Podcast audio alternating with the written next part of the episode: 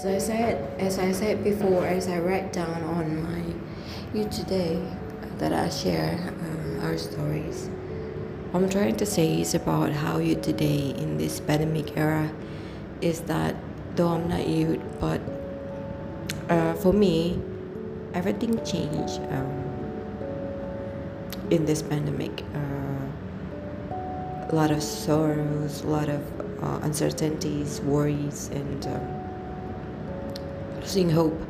But with BTS in our hands, in our journey, in our path, beside us, as an army, I feel like they are our agents of change, our agents of hope, our agents of joy, and then our agent, agents of unity.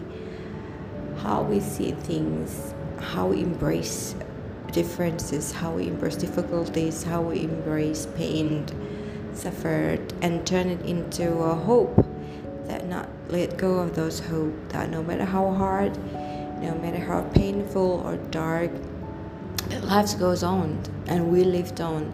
It's not as if the end has already written, but it's full in our hand.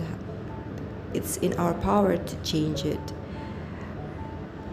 So, to be able to learn and accept that the world is changing for better things, of course, learn to embrace it, to, to, to deal with it, to cope with it, and to walk through it together in hope, in unity, uh, in, in order to find that balance between hope and acceptance and to be able to focus and yourself to do better to accept better to justify to justify yourself to adjust to embrace all the good thing all the positivity and to let go all the dark thing the, the all the burden all the worries.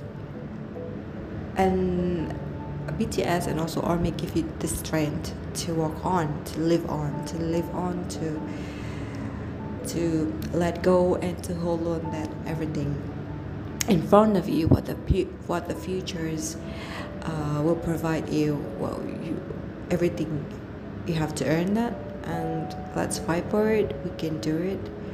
No matter how the outcome is not yet there so it's in our hands. So let's go. Let's get it. Let's live on. Let's um, spreading all the good things in it. The the goodness from change from changing the goodness from hoping higher, the goodness of unity, and spreading all the joys uh, that you have.